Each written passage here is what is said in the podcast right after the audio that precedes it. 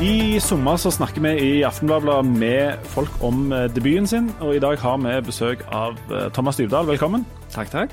Du, du sa rett før vi begynte her at uh, Hei, hei, var ikke det off the record?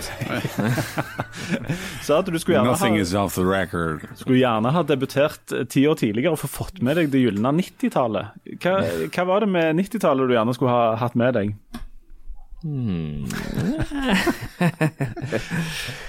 Jeg vet ikke, jeg så for meg at det var litt, litt Det så liksom litt mer sånn rockelivaktig ut, kanskje. Kanskje litt mer penger òg, jeg vet ikke. Jeg er litt usikker. Du, det, Men eh, dette er vel symptomatisk på at du vil jo alltid ha noe annet enn det du har. Ikke sant. Du, eh, debuten, eh, altså solodebuten, hva regner du som din eh, solodebut? Altså, jeg regner det som første liksom, fulle plate, The Great October Sound, som kom i oktober 2002. Eh, men jeg husker jo godt opptakten til det. Altså hva for noen ting jeg lagde som Altså, jeg var jo i et band lenge før det som het Quarterphonics, eh, som liksom Hvor da jeg sakte, men sikkert liksom, bevegde meg litt vekk ifra det. Ikke fordi jeg ikke liksom Det var bare fordi smaken musikksmaken eh, forandra seg litt.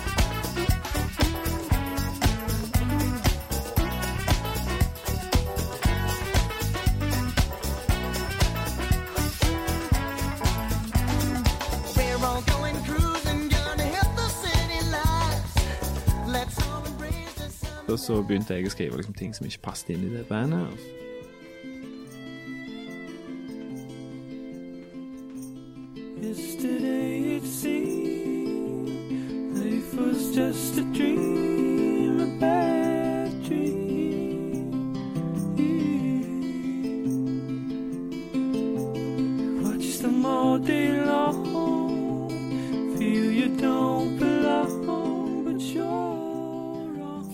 Liksom kunne huske egentlig de tingene jeg lagde, så begynte jeg å lage liksom, noen demoer. Dette var jo på den tida liksom, hvor det var blitt enkelt å gjøre det for første gang, egentlig med sånn hjemmestudio. Altså, du kunne ha liksom et eh, software altså, og, en liten miks og en, en miks, så, så kunne du liksom lage en røff eh, demo. Så, så det gjorde jeg. Det var jo sånn jeg begynte å synge, egentlig. Og så har- lagde jeg jo noen EP-er og ei instrumentalplate som alle på en måte bare peilte meg inn på den første plata. For hvor, hvor lå Quadrophonics musikalsk, og hvor var det du, hva slags retning var det du tok da ifra det? Quadrophonics var jo nesten et sånn acid jazz-band som var jo veldig sånn Det var superpop på liksom midten av 90-tallet og slutten av 90-tallet med Jamiroquai og disse tingene som, som jeg òg digget. Eh, Og dette var dritflinke folk. Altså, vi var jo, eh, vi gikk jo på, når vi hørte Quadrophonics, var jo det eh, litt sånn skremmende irriterende at der fantes folk sånn omtrent på vår alder som var så, så gode. Ja, og det var jo selvfølgelig òg det mange ikke likte. Men du, du spilte gitar der, sant? jeg spilte gitar, ja. Flinkest gitarist. Ja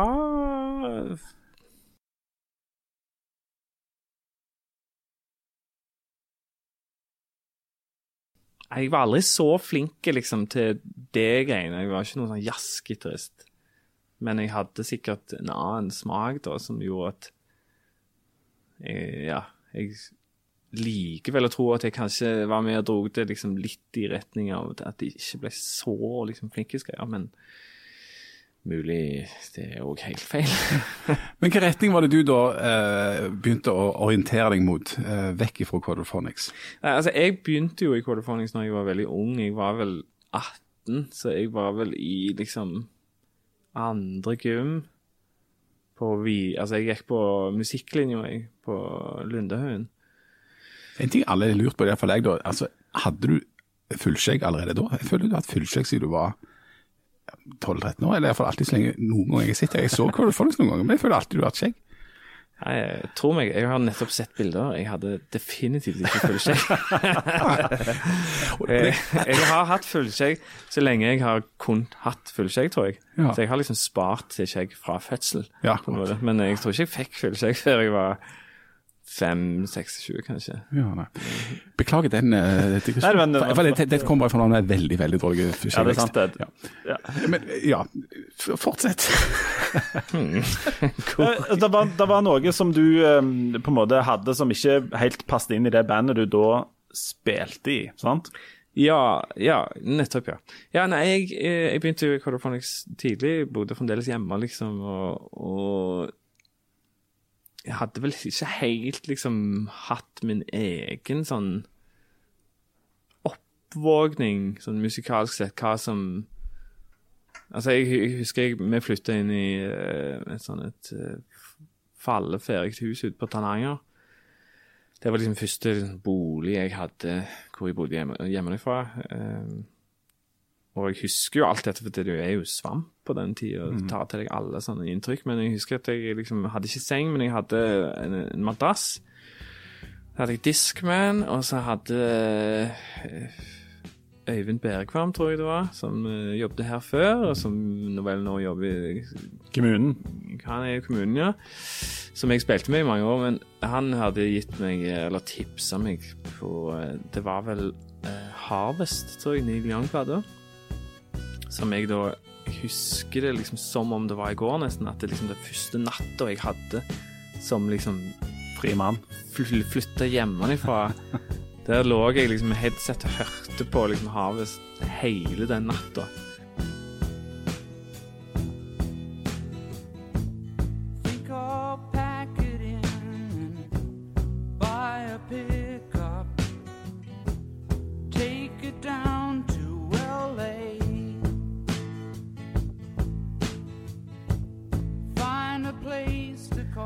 Var vel liksom de tinga der som jeg begynte å liksom bli trukken mot. De, de litt Altså de mer sånn Litt mer skranglete, men òg liksom eh, låtskriverorienterte. Altså alt som hadde med Neil Young å gjøre, Bob Dylan og Springsteen og Paul Hadde, hadde, du ingenting av disse tingene i bagasjen fra før av? Nei, dette, dette er jo ikke helt sånn eh, altså, Neil Young og Bob Dylan og sånt, det er jo ikke, vel ikke det som lærerne på Lundehaugen på musikklinja pusher elevene sine kanskje mest på nødvendigvis vis i samspillsgruppene og, og dette. Nei, nei, det er jo ikke det. Eh, og det selvfølgelig burde de jo gjøre. Altså, jeg husker jo vi hadde, jeg hadde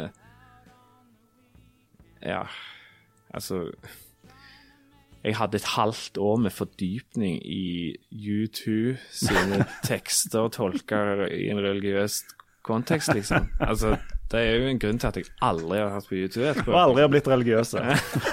ja, kanskje det òg. Men eh, altså, kan jo stille seg spørsmålstegn med mange av tingene på, på Lundehøen, sånn som de var, men, men eh, Nei, jeg hadde ikke de tingene i bagasjen. Det hadde jeg ikke. Jeg vokste jo opp uh, med to brødre som var mega Prince-fans. Eh, så jeg hadde jo det. Jeg hadde den pop-tingen. Jeg hadde liksom Jeg hadde selvfølgelig mye Michael Jackson. Og så begynte jeg liksom å spille i band, hvor du liksom spilte de tingene som gikk an å spille.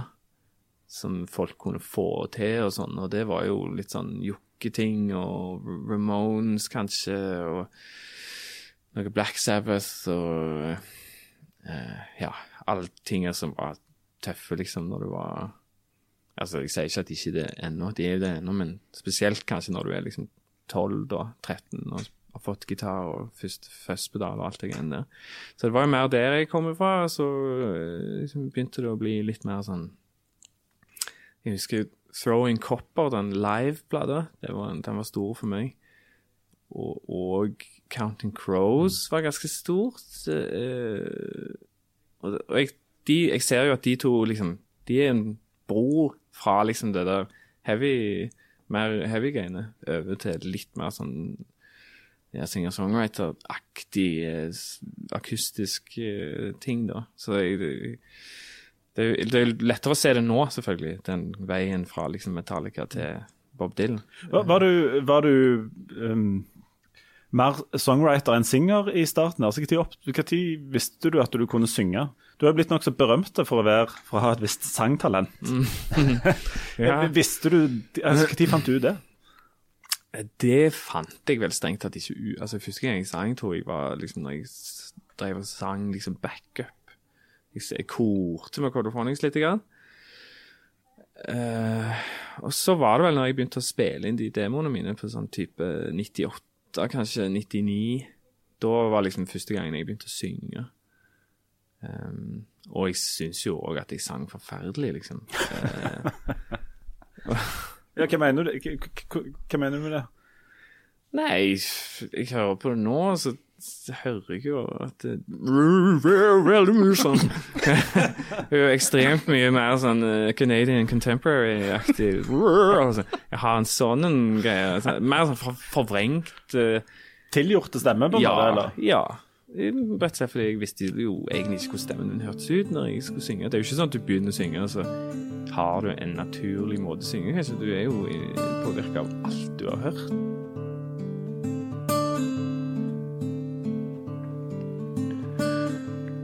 Don't dream what others do. And don't tell me you're dreaming too. Og det der sjokket av å høre liksom, hvordan stemmen din faktisk høres ut hvis du ikke gjør noen ting.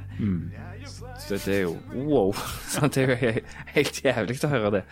Så jeg vet ikke, jeg syns jo at det hørtes veldig sånn tilgjort ut og sånn, men så had, fikk jeg noen EP-er på meg til å liksom finne en litt mer sånn naturlig måte å synge på. Og, eh, så det var jo en EP som het Bør, da, en som eh, John Wayne, som de to liksom blei ble liksom sounden da til førsteplata mi.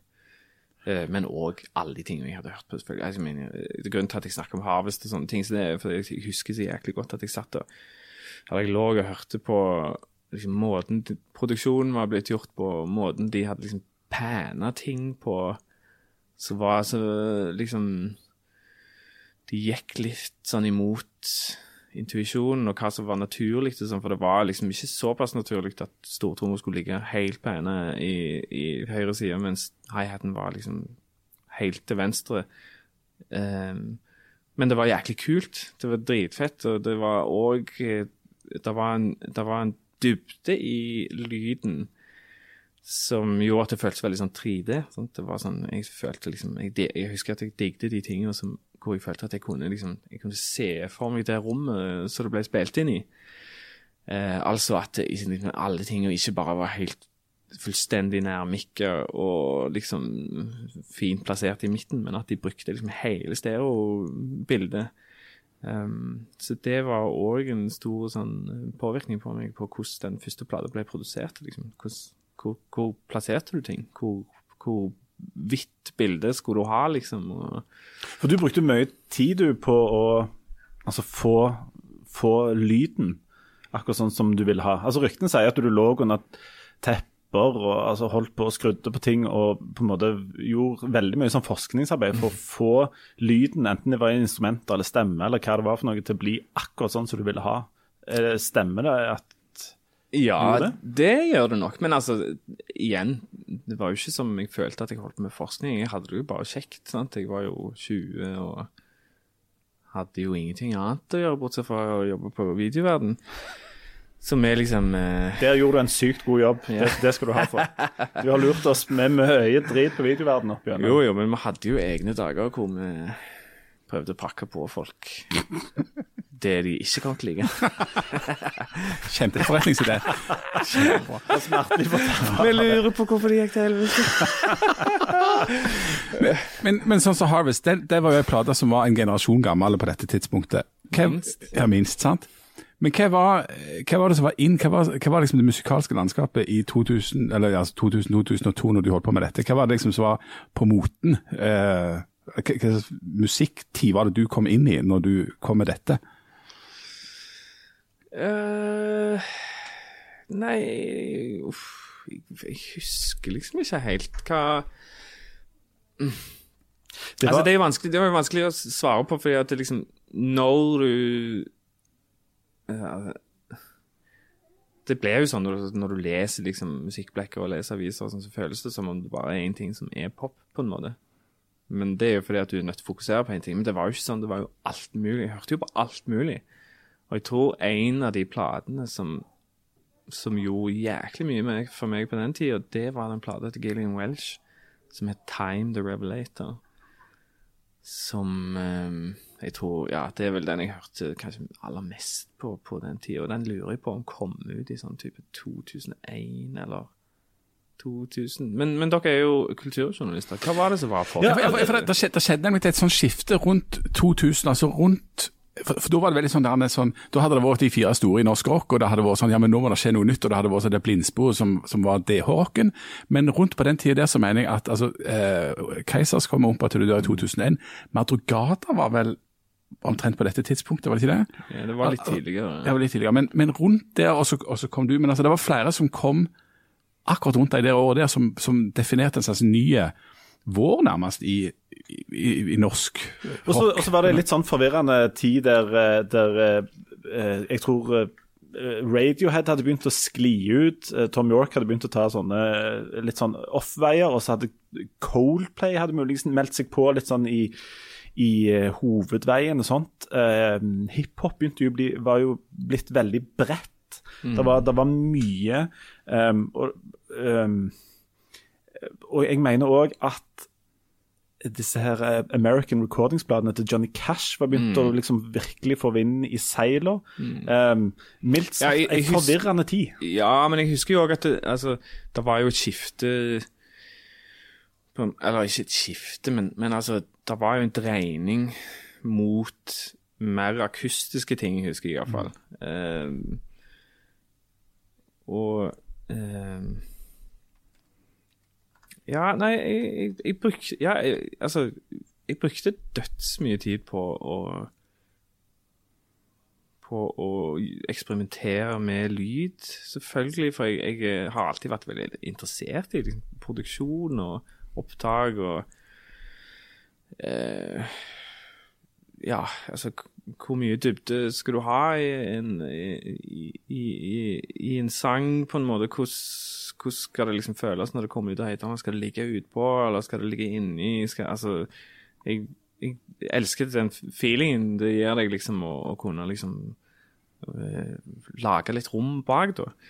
Um, og det, kan, altså, det er jo enklere, på en måte, å gjøre med ting som er litt nedpå, og ting som er akustisk, kanskje fordi de har Der er mer overtoner, sant? og der er liksom ah, Hvert instrument har jo et sånn et, et brytningspunkt hvor det går fra liksom å være eh, altså rikt og ha de overtonene som ligger naturlig i instrumentet, til at du, du, begynner, du presser det sånn at det bare høres komprimert ut. og, og sånn. Så jeg, jeg jobbet jo mye med det òg, med liksom nærmikking. Og se liksom hvor mye av overtonene kunne jeg få, og hvor, hvor hardt kunne jeg spille på det før det liksom blir litt sånn som stemmen min. sånn at det, jeg føler at min stemme er litt sånn som de instrumenter jeg likte da. At jo hardere jeg, jo, jo høyere jeg synger, jo mindre blir den, liksom. Og sånn var det med masse av de gitarene jeg holdt med det òg. At det var liksom jo, jo, jo hardere jeg spilte på det, jo, jo mindre lyd ble det egentlig av det. Så det var jo min jobb når jeg holdt med disse tingene, var jo bare liksom å få så mye ut av de få elementene jeg egentlig kunne spille. Og så hadde det selvfølgelig mye med hvor mye eh, utstyr har du. Altså, Du hadde enormt mye utstyr. ja, jeg hadde enormt mye Nei, jeg hadde så lite utstyr, og det er ikke fordi at jeg liksom var sånn Dette er ikke noe sånn poor man's eh, rambling her. Altså, det var ikke fordi jeg ikke hadde råd til utstyr nødvendigvis, det var bare fordi at eh, jeg eh, innså ganske tidlig at liksom det med liksom miksing og sånn Altså, hvis du skal bearbeide lyd etter du har tatt det opp, så krever det ganske mye utstyr. Og det krever greielig mye know-how og liksom kunnskap for, for å gjøre det. Men hvis du slipper den biten, egentlig, hvis du, hvis du jobber så mye med det før du tar det opp, altså plassering av ting i rommet og mikken og alt det greiene, hvordan du spiller det, hva du spiller det med og sånn. Gjør, altså jeg måtte jobbe med det såpass mye at jeg, ikke, at jeg, at jeg slapp å jobbe med det etterpå. For det, den biten etterpå, den kunne ikke jeg, liksom. Så det, for meg så var det bare å jobbe lenge nok med det før jeg tok det opp. Og sånn at liksom, når jeg hadde det inne der, så var det sånn det skulle være, liksom. Eh, Så det var aldri jeg, jeg har aldri jobbet med en sånn prosess som var sånn ta opp alt jeg skal ta opp, og så liksom nullstille alt og så begynne på ny igjen. Det har jeg aldri gjort, og egentlig aldri helt skjønt. jeg skjønte ikke hvorfor folk gjorde det. Hvorfor de ikke bare spilte det inn sånn at det Men- låt litt sånn de ville ha det. Ja, for er ikke, dette òg Du begynte med, med å snakke om uh, på en måte bransje og når det var sånne gylne tider, og, og de teknologiske mulighetene som lå her. At I tidligere tider, i liksom rockens gylne dager, så ville en jo gjort en eksperimentering med at en var i et studio og jobbet liksom lenge og vel og eksperimenterte med både ditt og datt. Men her er det en situasjon der du er helt mutters alene, i, hjemme på rommet ditt omtrent, eh, men det er teknologisk mulig, eller du kan faktisk lage det omtrent helt sjøl, da. Ja. Så Ja, men det, men det blir jo en helt annen prosess. eh, Og eh, liksom Men du kunne ikke brukt all den tid i et studio, for det hadde du rett og slett ikke hatt råd til. sant? Nei, hvis jeg hadde vært popstjerne på 70-tallet, så kunne jeg kanskje gjort Ja. det. Men uh, nybegynner på slutten av 90-tallet, not so much. Men du, så, så, lag, du, du så gir du jo ut to EP-er her før, før på en måte debutplater de kommer. Hva tid i denne her, eh, liksom timelinen her merker du at eh, OK, det kan godt være at jeg har noe her, og merker at det begynner å bli litt sånn buzz rundt dette her, for det var det jo vitterlig. I hvert fall sånn som jeg husker det. Jeg vet ikke hvordan det var sør for Moi og nord for Judaberg, men ehm, her var det jo virkelig det. Snevert område, altså. uh, ja, nei, jeg, jeg tror ikke jeg Jeg merkte vel kanskje noe liksom på Altså, først ga jeg ut Bør, den EP-en som, som jeg aldri har trykt opp igjen, og som går for mye penger på eBay, rett og slett fordi at han finnes bare i liksom 100 X, eller hva faen det var vi med trykt opp. Men eh, på Jeg merket det vel kanskje på, på den John Wayne-EP-en, hvor jeg eh, Det var en sang som het Love's Lost, som òg kom på plata.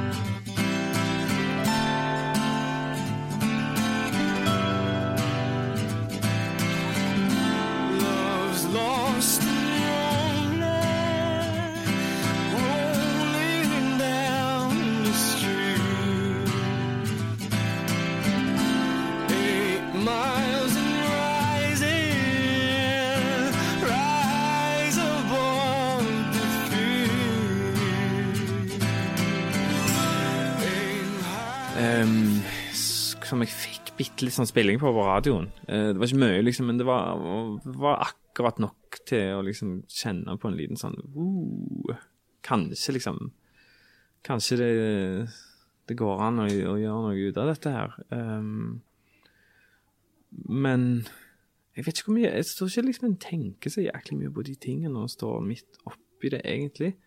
Det er bare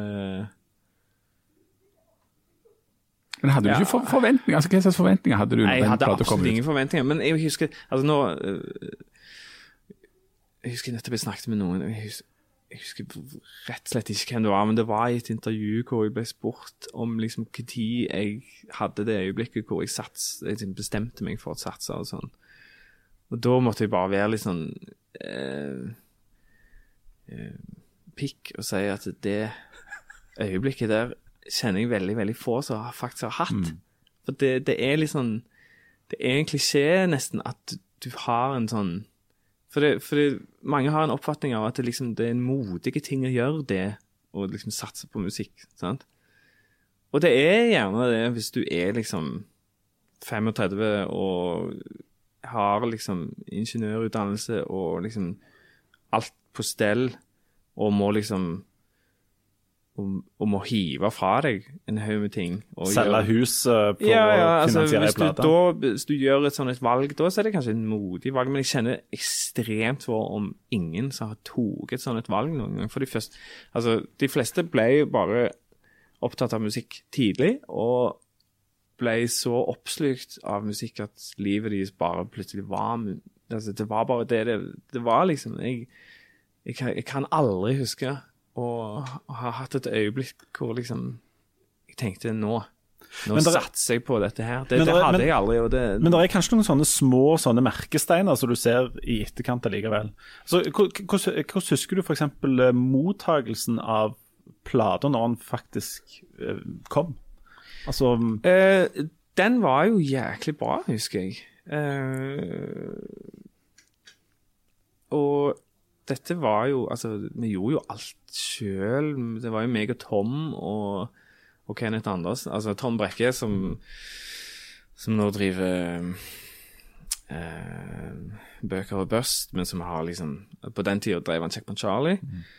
Og hadde plateselskap. Ja, og han starta opp et plateselskap som heter CCAP, Checkpoint Charlie Audio Productions, eh, hvor jeg tror Jeg lurer på om den aller første utgivelsen han hadde Jeg lurer på om det kan ha vært Lano Places med Isolation Street eller noe sånt. Jeg er litt usikker.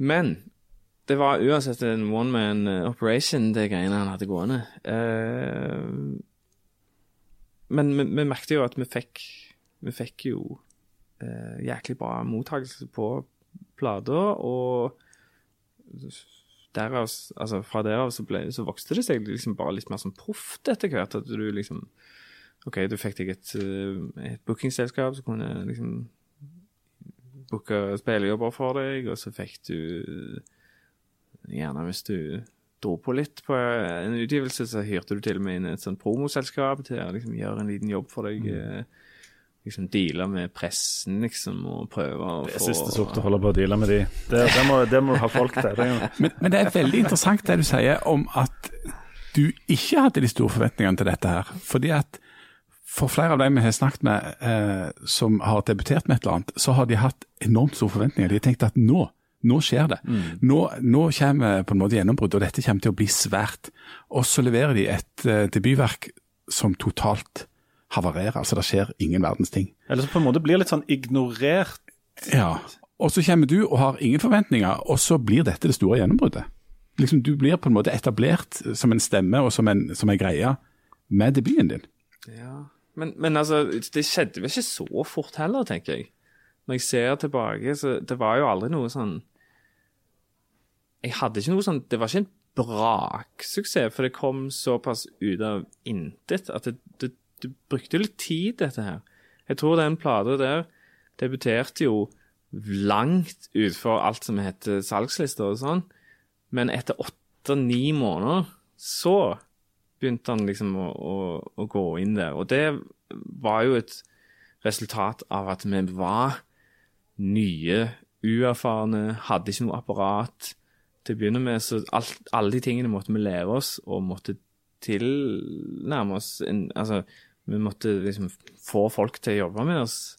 Som eh, Derfor tok det litt tid, liksom. Men, men jeg, jeg tror det tok såpass lang tid at vi hadde liksom alle vi hadde god tid til å liksom bli vant til tanken på at uh, dette kunne det bli noe av, liksom. For det var jo ikke som jeg Altså, eneste greia jeg husker som sånn helt sånn crazy øyeblikk uh, når den plata kom ut, det var Jeg husker liksom da lå meg og um, Altså kona mi nå, som jeg da var, var kjæreste med, vi våkna seint en lørdag eller et eller annet sånt, gikk ut og henta aviser, og så var liksom den eh, kritikken fra Stavanger Af- Aftenblad var der. Og det husker jeg liksom En øyeblikkelig klassiker. Ti av ti, tror jeg greia var. Og det er det jeg husker av sånn det, Sånn crazy øyeblikk, liksom. Det, det er kanskje det øyeblikket der hvor jeg tenkte liksom All right. Kanskje, kanskje kan det bli. Men, men det tok lang tid, liksom. Det var ikke Jeg hadde ikke tross alt et, et apparat som kunne pushe på og bare liksom hive meg ut i media. Så det, selv om det føles sånn nå at det var liksom sånn brak suksess, kanskje, så tok det Det tok nesten hele den plata fram til andre plater. Før det var liksom opp og, og, og sto og var liksom sånn relativt viden kjent, da. Og så ble jo dette da første album i det som senere er blitt omtalt som en slags oktobertrilogi, men det hadde du ikke planlagt når du lagde denne, hadde du det? Jo. Hadde du det? Ja, det hadde jeg. Jøss. Eh, og det hadde jeg uttalt òg. Jeg sa vel det fra første plate, at nå kommer det ei plate 1. oktober i tre år. Og så eh, Men så hatt cocky som F der, fordi at ja, En kunne jo være det. En hadde jo så mye liksom eh, snop i posen. Vi hadde så mye liksom en kjente jo det at en bobla over av, av musikk og ideer, og livet var helt annerledes òg. Altså, det gjorde ikke meg noe å sitte oppe til klokka var seks og skrive og ta opp ting. Jeg hadde jo ikke liksom noe Jeg hadde jo ikke en unge som skulle opp en halvtime etterpå, liksom. Livet var jo bare musikk og Og videoverden. Du Ja, ja, elendige actionfilmer på eh, oss som kom inn helt Nei, nei, sånn. det vi prøvde, det var De som vi så kom inn, var liksom sånn eh, Det som vi kalte for en sånn mannamanns. Når de kom inn, så prøvde vi å prakke på dem. Hvis vi klarte å prakke på dem en sånn fransk kunstfilm, så var vi jævlig happy. Og da ble jeg så utrolig sur da de kom og leverte. Hva er det? Du, det er, er andre, eh, andre som har snakket om debuten, som, som eh, når de ser tilbake på han, så um, ser de at um, enten boka eller uh, plata eller hva det er for noe, er en slags leiding etter en retning eller leiding etter en stemme, og at det kanskje bare er noen små biter av disse tingene som egentlig representerer det de kom til å bli. Altså at Debuten framstår litt som en sånn eh, interrailtur gjennom Europa for å finne på en måte den ene byen du, du liker, eller noe sånt. Ja. Eh, mens den, den debutplata de, eh, i hvert fall sånn som jeg opplever å høre på han, eh, virker mye mer som en sånn eh, Litt sånn at du har landa omtrent der du ville være, hvis du skjønner hva jeg mener. Ja. Har du den samme opplevelsen av han som det? Ja, jeg har egentlig det, altså. Jeg følte ikke jeg var på leid da lenger. Jeg hadde leita et par år Altså, den ene tingen er jo selvfølgelig altså det rent tekniske med spilling og sånn. Um, hvor jeg, jeg var veldig glad for uh, de årene med shredding som jeg, jeg gjorde. eh, rett og slett fordi at du Hva er shredding for noe? Eh, At du spiller fort og kjapt og med mye føss og avansert eh, Look what I can do. Ja, ja. Um, for det som det gjorde, var jo at det fri, Altså, det frigjorde meg litt eh, med liksom den, den gitararmen når jeg skulle begynne å synge, liksom. At jeg, jeg, jeg slapp å tenke så mye på det. Og kunne synge liksom samtidig. Og en annen ting var at jeg hadde jo jeg gikk jo inn Jeg husker godt at jeg gikk inn i liksom denne første plata og, var litt sånn Jeg var sånn, litt sånn halvsure for eh, den, det der navnet, eller ryktet, som sånn singer-songwriter hadde akkurat da. For det, det, det var, ble veldig sånn assosiert med sånn, sånn leirbålaktige spilling. At det ikke, at det ikke det liksom at det ikke spilte så stor rolle at du var, du var flink, eller at det, det kunne være jævlig dølt, det du spilte på gitaren, så lenge liksom sangen var god og du, melodien var, var nice. det. Og, sånn. og det er jo selvfølgelig Det er jo sant, det, men jeg husker at jeg gikk inn i det med en sånn klar tanke om at jeg skulle oppå liksom den eh, Den gitarbiten, liksom, den akustiske gitarbiten, skulle jeg liksom jobba ganske mye med for å bare gjøre litt mer sånn interessante da, enn han hadde vært i en del ting som jeg hørte, som jeg kanskje òg likte, men som, som liksom hvor det var en slags det var en stolthet i å holde det ekstremt simpelt. da. Så det var vel gjerne det jeg dro med meg fra den flinkis-tida, liksom, var at jeg For dine sanger, når folk som sitter og plukker ting på gitar og skal prøve å spille likt, der er der, der er ikke nødvendigvis dine Den debutplata di så enkel å liksom bare hente ned på gitaren for oss som gjerne skulle ønske at det var bare Ja, for Jeg satt og hørte på de grepene. Det er noen, eh, det er noen akkorder der og noen klanger som Som du ikke lærte på musikklinja. Ja. Nei, nei, men, men, men som sagt jeg, jeg, jeg, For meg var det litt av greia å liksom Jeg hadde lyst til å gjøre liksom, den akustiske gitarbiten litt mer interessant, da. Eh, eh, krevende og, og sånn at en liksom etter noen gjennomlytninger så fant du liksom nye ting, da, som nye liksom detaljer som du kunne synes var spennende, og som gjorde at du hørte på det igjen og igjen. da. Um, og liksom, altså Den mest kjente sangen fra den plata, 'From Grace', begynte jeg jo på nesten sånn på trass. sånn, Nå skal jeg lage et riff på akustisk gitar som er så vanskelig så ingen kommer til å klare å spille det. Utrolig irriterende. For mange av oss har prøvd. Og det er noen småting der som bare aldri klarer å få til. Ja, men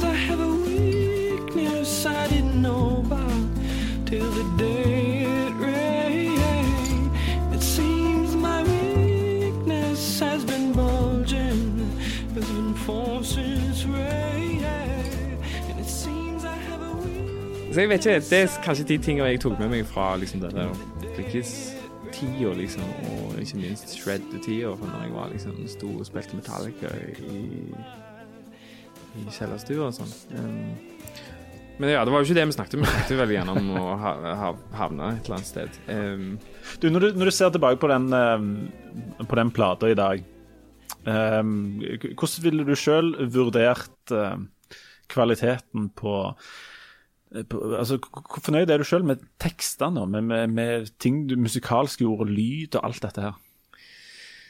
Jeg skal være helt ærlig og si at nå er det sykt lenge siden jeg har hørt på den plata. Jeg hørte på Du spilte den jo nettopp. Litt. Ja, men Han spilte bare, hørte ikke. tre Det var det jeg, Grunnen til at jeg kunne gjøre det, var at det, det var kun tre av de sangene jeg fant ut at jeg ikke spilte eh, jevnlig uansett. Altså alle tingene kunne jeg. Eh, og det sier vel selvfølgelig litt om liksom, hvor den står i mitt eget hode, i, mi- i mine egne plater. Liksom, hvor mange av sangene er det du har tatt med deg videre, liksom. Um, men jeg, jeg, altså, jeg syns jo at jeg synger ganske drit, på en måte. Du syns det? Ja. ja det. Men, men det er et eller annet sånn uanstrengt med det, kanskje, som, som, som kanskje er nice. Jeg, vet- jeg vet ikke. Altså, det er vanskelig å høre på de tingene. Men, men det jeg liker godt med den plata, det er at den høres ikke ut som noen andre plater. Det tror jeg kanskje var litt nice akkurat når han kom, liksom, at han føltes litt sånn Selv om det var akustiske ting og det, sånn, så føles han Han føltes kanskje litt sånn frisk når han kom ut. Um, og så syns jeg han låter ganske nice. Det er jeg stolt av ennå. At, eh, at liksom med én mikk og den der grimme, grimme Behringer, miksen med to kanaler via en fonokabel, mini-jack inn i Soundblaster-lydkortet, så ble den plata lagt. Det er jeg ganske stolt av. For da liksom den, Han låter klart, syns jeg. Iallfall det meste av det. Det er jo selvfølgelig ting der som eh, altså, jeg, Det jeg skjønner, er at jo mer jeg leste på, jo dårligere ble det, liksom. Så de sangene som, hvor det er mest elementer i, det er det som låter dårligst, syns jeg. For det var at da må du ha folk med ekspertise og utstyr for Dette, dette er jo en plate som, som eh, støtt dukker opp når folk skal på en måte mm, finne eh, de beste platene fra den og den tida, eller de siste sånn og sånn år, eller debutplater og sånne ting. Så det er jo um, vitterlig eh, en debut som har som har stått seg på alle vis. Og Det, det forteller jo òg dine settlister noe om at eh, det er sanger der du Selv om du har ommøblert de litt og, og kanskje ikke kanskje synger de på en annen måte, sånn, Ja, ja. at de fremdeles eh, lever med deg, da. Absolutt. Eh, det er noen av de sangene som jeg sikkert har spilt på hver eneste konsert siden den gang. Og det er jo eh, Det er ikke alltid fordi at du syns de sangene er så jæklig bra at du spiller dem, men det har et eller annet med at du føler at du skylder dem litt. Sant? Du, du, det er noen av disse sangene jeg jeg skylder de ganske mye, for de har gitt meg så mye. Altså, de, de gjorde så mye for meg, liksom, sånn som From Grace og Adelaide og sånne sanger. Har, de, de gjorde så mye for karrieren min at liksom, jeg, jeg blir litt der at jeg kan, jeg kan liksom være rett før jeg går på scenen, så tenker jeg nei, i dag skal jeg faen ikke spille den. Jeg hater liksom den sangen akkurat nå. Og så kjenner du det når du står på scenen, at det er et eller annet mellom deg og publikum som er Det er jo en sånn give and take-ting som er liksom Vet du hva? Den skal de faen få. Nemlig. Og fordi at òg de kristne rødvinsjentene må ha noe å synge med på. eh, Kristne jenter drikker ikke rødvin.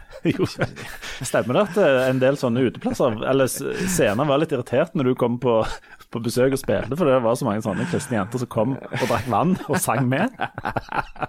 Eller er det bare et ondsinna rykte?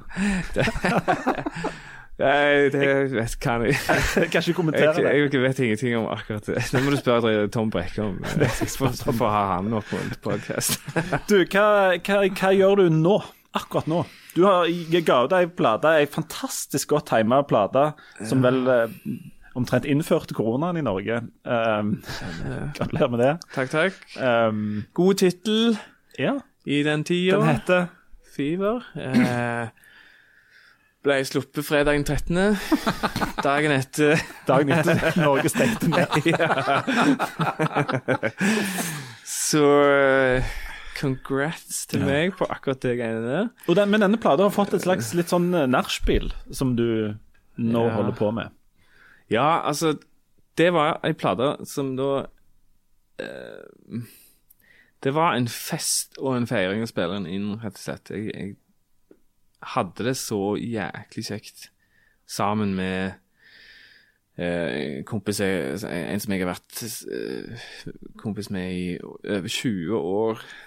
Vi har liksom jobbet masse sammen, men alltid på hverandre sine ting. Sånn, altså, vi har ikke gjort noe helt sammen før, før nå. Med, dette er en som heter Håvard Rosenberg, da, som er mer eh, Som òg var med på en av de første EP-ene. Var ikke det programmert noe trommelyd eller noe sånt? Jo da, altså vi har kjent hverandre siden 97-98. Um, men han kommer jo mer fra urban og hiphop-verden, så det er det han Og videoverden. Og videoverden, selvfølgelig. Uh, alt henger sammen, skjønner du. Nei, men vi lagde altså denne plata som het Fever, som, som by the way fikk utrolig bra eh, anmeldelser og mottagelse, men selvfølgelig Altså, la oss si det sånn at han, han sto ikke akkurat i fokus når han kom. Så Så jeg syns at den plata liksom var såpass bra at han fortjener liksom en sjanse til. Så det meg og Håvard holder på med nå, er et prosjekt som vi har kalt Cabin Fever, som er um, I og med at det er litt sånn rare tider og, og mildt sagt eh, ting er litt uh, forandra for oss i musikkbransjen, så eh, så tenkte vi at eh, hva, vi, hva om vi liksom later som om vi aldri gjorde ferdig Fever, da, um, og slapp han? Sånn at vi, hvis vi bare spoler tilbake til liksom ja, La oss si 11. mars, da.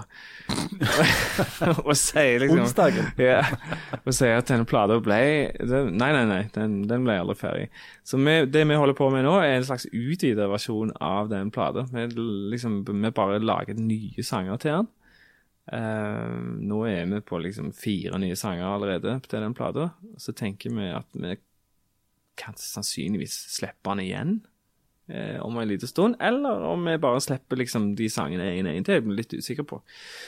Men eh, prosjektet er iallfall bare bygge videre på den plata. For jeg vil at den skal Jeg vil at han skal få en sånn reell eh, sjanse for eh, Jeg syns han ble jeg, jeg, var, jeg var så fornøyd med han at jeg tenker jeg, jeg må gjøre det jeg kan for at den ikke skal bare synke, Ja, liksom. det er god plate. Dere, dere bør høre den. Du, nå er, det, nå er det et år til. Det er Jeg vet ikke om du har hangt til sånne jubileer og sånne ting. Men om et år cirka, så er det 20 år siden du ga ut første oktoberplate. Kan det stemme? Det er journalister og tall Nei, etter det. 2002. 2002. To år til. To av tre. Ja, det ser Du du. er så dårlig med tall. Jeg er helt sykt dårlig med tall. Så liksom, hvor mye er 2002 okay, om x antall år Om x antall år er det et jubileum for at det har gått x antall år siden du ga ut debuten. Er du kandidat til å eh, på en måte fygge rundt og spille den plata fra A til Å og sånn? Ja Ja, ja hvorfor ikke? Jeg vet da fader. Jeg, eh, jeg gjorde jo nettopp hele den plata på en sånn eh, streaminggreie. Vel merke veldig nedstrippa, kun meg, men det var jæklig kjekt. Men en skal passe seg litt for den der nostalgitrippen, tenker jeg. Det er det eneste. Så hvis jeg føler at jeg kan gjøre det uten at det ja, Altså uten at det føles som en sånn uh, Alt var bedre før i tida og tur. Så skal jeg gjøre det. Så jeg må liksom Jeg, jeg tenker at jeg, jeg må gjøre det hvis jeg er på et sted sånn, sånn i livet og karrieren og i den kreative delen av livet mitt, ikke minst. Altså, jeg må jo gjøre det når jeg føler at jeg er ganske på topp, tror jeg. At jeg, at jeg er At jeg er liksom At jeg har noe å si ennå. At jeg er relevant. eh, At jeg er Ja. Jeg tror ikke Hvis jeg Hvis 2002 kommer, og jeg føler liksom at jeg smaker på en sånn bitterhet for det at ting ikke har gått som de skal gjøre de siste åra, så kan jeg ikke gjøre det. For da blir det, da blir det lamt, altså.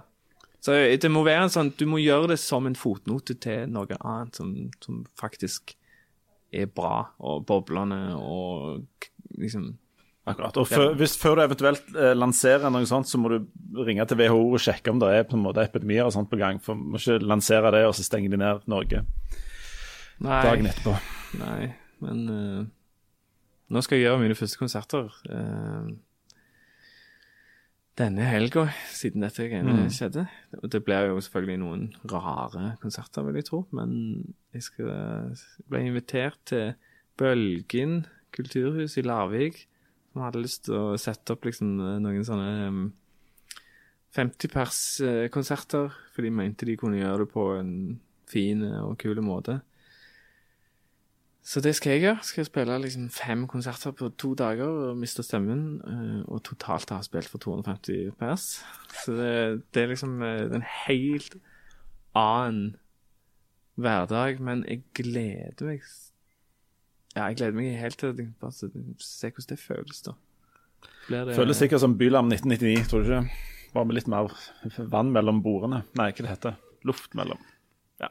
Bylam 1999? Hmm. Var ikke det Ja, da tror jeg vi eh, Så fulgte vi etter Håkon Mosleth når han gikk gjennom gatene. Jeg tror dette var i Kristiansand eller noe sånt, kan det stemme? Ja. Da fulgte vi etter han og liksom skreik til han og sa 'Skal du ikke gå på vår konsert?' Skal du ikke gå på vår konsert? Så bare liksom hounda han, da, for han skulle på en annen konsert som hadde fått årets hype. Var så jævlig sur. Askild Holm Askild Holm, ja, stemmer det. var the shit. Jeg vet, jeg vet det, jeg vet det. Vi var så jævlig sure. Men året etterpå, vet du Året etterpå smalt det. Du, eh, jeg tror vi sier oss eh, godt og fornøyde. Takk for, at du, eh, takk for at du kom, og lykke til eh, i det videre. Vi er tilbake gjerne om ei uke med nye debutanter. Det satser vi på. Ja. Enn så lenge, ha det bra. Ha det godt.